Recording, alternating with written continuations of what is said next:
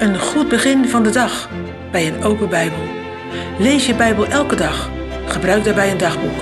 En natuurlijk mooi dat je deze podcast luistert. Deze week over Patmos door Gert-Jan Terharmsel. Gisteren zagen we dat Johannes brieven moet schrijven aan zeven gemeenten, die samen de levende gemeente van Jezus Christus zijn, ook vandaag de dag.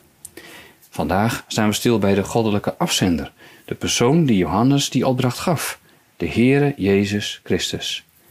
Jezus verschijnt aan Johannes op het strand van Patmos.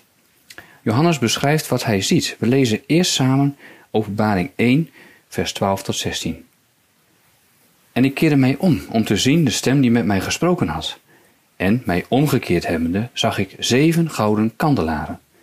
En in het midden van de zeven kandelaren één, zoon des mensen gelijk zijnde, bekleed met een lang kleed tot de voeten en omgord aan de borsten met een gouden gordel. En zijn hoofd en haar was wit, gelijk als witte wol, gelijk sneeuw. En zijn ogen gelijk een vlam vuurs. En zijn voeten waren blinkend koper gelijk, en gloeiden als in een oven, en zijn stem als een stem van vele wateren. En hij had zeven sterren in zijn rechterhand, en uit zijn mond ging een tweesnijdend scherp zwaard. En zijn aangezicht was gelijk de zon schijnt in haar kracht. Zo zag Johannes de Heer Jezus, de Zoon van God, die met hem sprak. Hij is het middelpunt van zijn gemeente. Hij staat in het midden van de zeven kandelaren.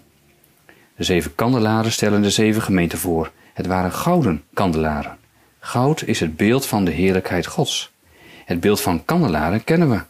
In de tabernakel en tempel stond de gouden kandelaar, de menorah in het heilige. Dat de gemeenten worden vergeleken met gouden kandelaren, wil dan ook zeggen dat het de bedoeling van plaatselijke gemeenten is dat ze goddelijk licht verspreiden. Zo kunnen ze hun taak in de wereld uitvoeren. Gaat dan heen, onderwijst alle volken, dezelfde dopende. Ze kunnen dat alleen doen door Jezus, het middelpunt van zijn gemeente. Hij is de enige hoge priester van het Nieuwe Testament. Johannes ziet iemand die de zoon des mensen gelijk is. De Heer Jezus noemde zichzelf in de Evangelieën zo, als vervulling van de profetie in het Oude Testament. Johannes schildert de gestalte van Jezus in diverse beelden en kleuren. Laten we het schilderij eens beter bekijken. De gouden gordel betekent dat Jezus nog steeds in liefde dient. Hij blijft de herder van zijn schapen. Tegelijk heeft hij nu alles overwonnen en mag hij ook de hemelse rechter zijn. Zijn hoofd en haar zijn wit. De witte kleur betekent de wijsheid en eeuwigheid van de Heer Jezus.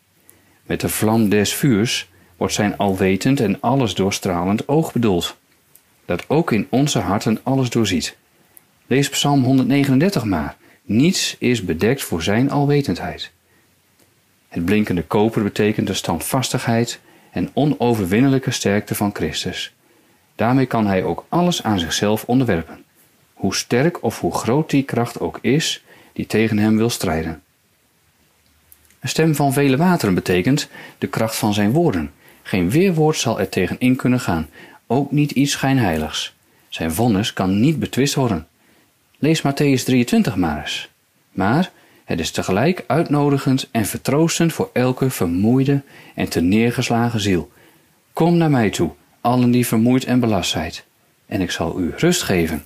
Mijn juk is zacht en mijn last is licht. De zeven sterren uit vers 16 betekenen de engelen of opzieners der gemeente. Zij moeten licht geven, leiding geven aan de kerkelijke gemeente met hun leer en leven.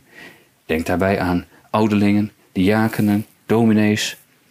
Dat deze sterren zich in zijn rechterhand bevinden, maakt duidelijk dat hij ze in zijn macht heeft en ze beschermt. Het tweesnijdende zwaard betekent het woord van God, de Bijbel. Zowel als het gaat om de vele beloften die je erin vindt, als de troost die er is voor hen die dat woord gehoorzamen.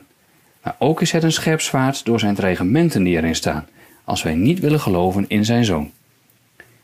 Zijn aangezicht is gelijk de zon. Niets blijft verborgen voor dat licht. Deze verschijning en beschrijving van Jezus in zijn verheerlijkte staat was van groot belang voor christenen van eender welke afkomst, ook vandaag de dag nog. De opgestane Heere is machtig, goddelijk en beschermt zijn volk tegen hun vervolgers. Hij geeft hen kracht Het doel van Jezus' omschrijving is niet om aan de gemeente zijn voorkomen mee te delen als een soort foto in woorden. Het doel is juist om zijn macht uit te beelden en te verkondigen.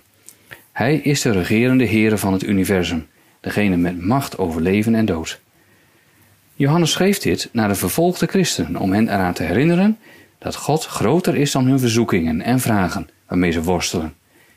Herinneren, maar ook een doorkijk geven naar wat komt en wie de macht heeft over hemel en aarde.